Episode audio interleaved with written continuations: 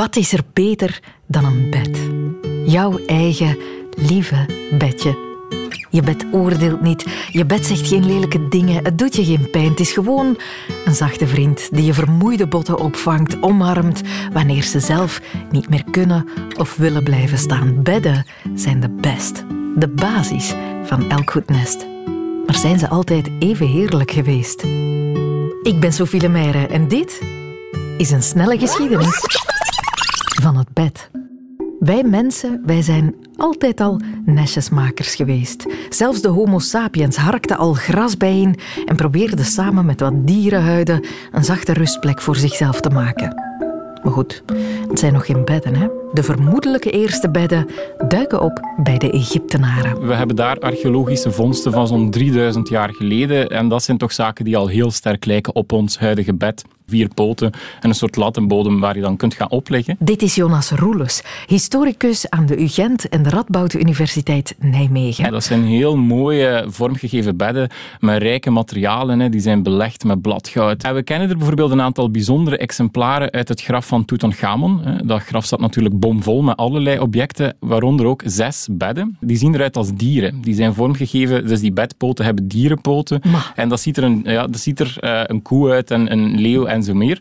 En het grappige is dat Tutankhamon niet enkel van dat soort heel mooie ceremoniële rijke bedden had, maar dat hij ook al een kampeerbed mee had in zijn graf. Voor de jacht of om op te liggen tijdens lange reizen. De Egyptenaren hadden dus bedmeubelen, net zoals de Romeinen. Sprongetje in de tijd. De Romeinen waren echte bedlovers. Die lagen zelfs overdag te rusten op bedden. Dat zegt toch het clichébeeld van de chique Romein. Maar dat clichébeeld uh, doet ons misschien denken dat zal dan ook wel weer heel overdadig zijn. Hè? De Romeinen die aanleggen en dan wordt dat al snel een orgie. Dat Hollywoodbeeld. Mhm. Maar veel van die bedden zijn eigenlijk vrij, vrij sober bijna. Net misschien omdat je zoveel bedden hebt in een dag, hè, is het slaapbed vrij functioneel.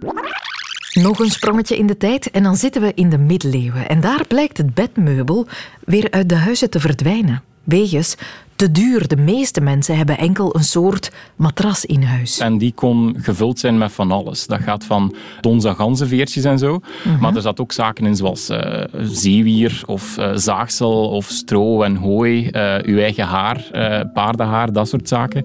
Dus alles wat men eigenlijk zijn handen kon opleggen, die toch enigszins zacht was, gebruikte men om op te slapen. Het bedmeubel was een luxe object, alleen voor de fancy few. In die mate dat het, dat zijn erfstukken. Prestigeobjecten objecten die zo uh, elitair zijn dat je die dus, uh, ja, als je ze hebt, wil je ze tonen. Mm En dan krijg je het zogenaamde ceremoniebed of het praalbed. Hè. Dus als je rijk genoeg bent om zo'n bed te betalen, waarom zou je het dan verborgen houden in je slaapkamer? Dan zet je het gewoon in je inkomhal, in je ontvangstruimte. Meteen om te tonen. in de inkomhal. Ja. Kijk, Mijn dit, bed. Is, ik hier. Ja.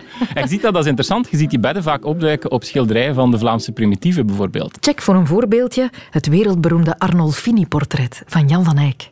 Nu, uh, voor je te enthousiast wordt over dat praalbed en je je eigen bed naar de gang gaat verslepen, ze hadden dan wel chique bedden, er waren ook nadelen. Uh, eeuwenlang moet je dat inbeelden, uh, van de homo sapiens zoals daarnet, hè, tot, tot, tot, tot, tot, vrij recent.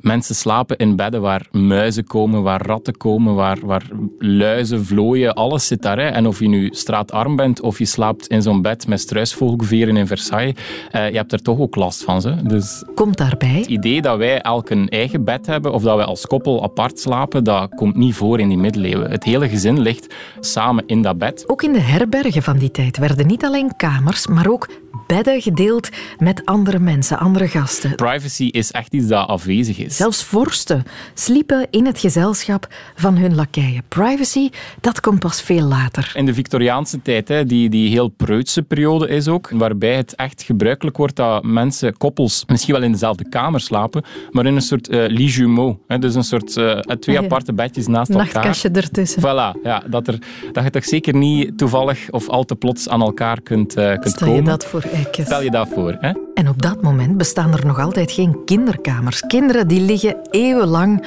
ofwel in bed bij de ouders, in schuiven van de kast of op een uitschuifbaar matrasje onder het bed van de ouders tot de welvaart begint toe te nemen, meubelen goedkoper worden en dus duurt het tot de 20e eeuw voor veel families ook kindjes hun eigen bed en kamer kunnen geven.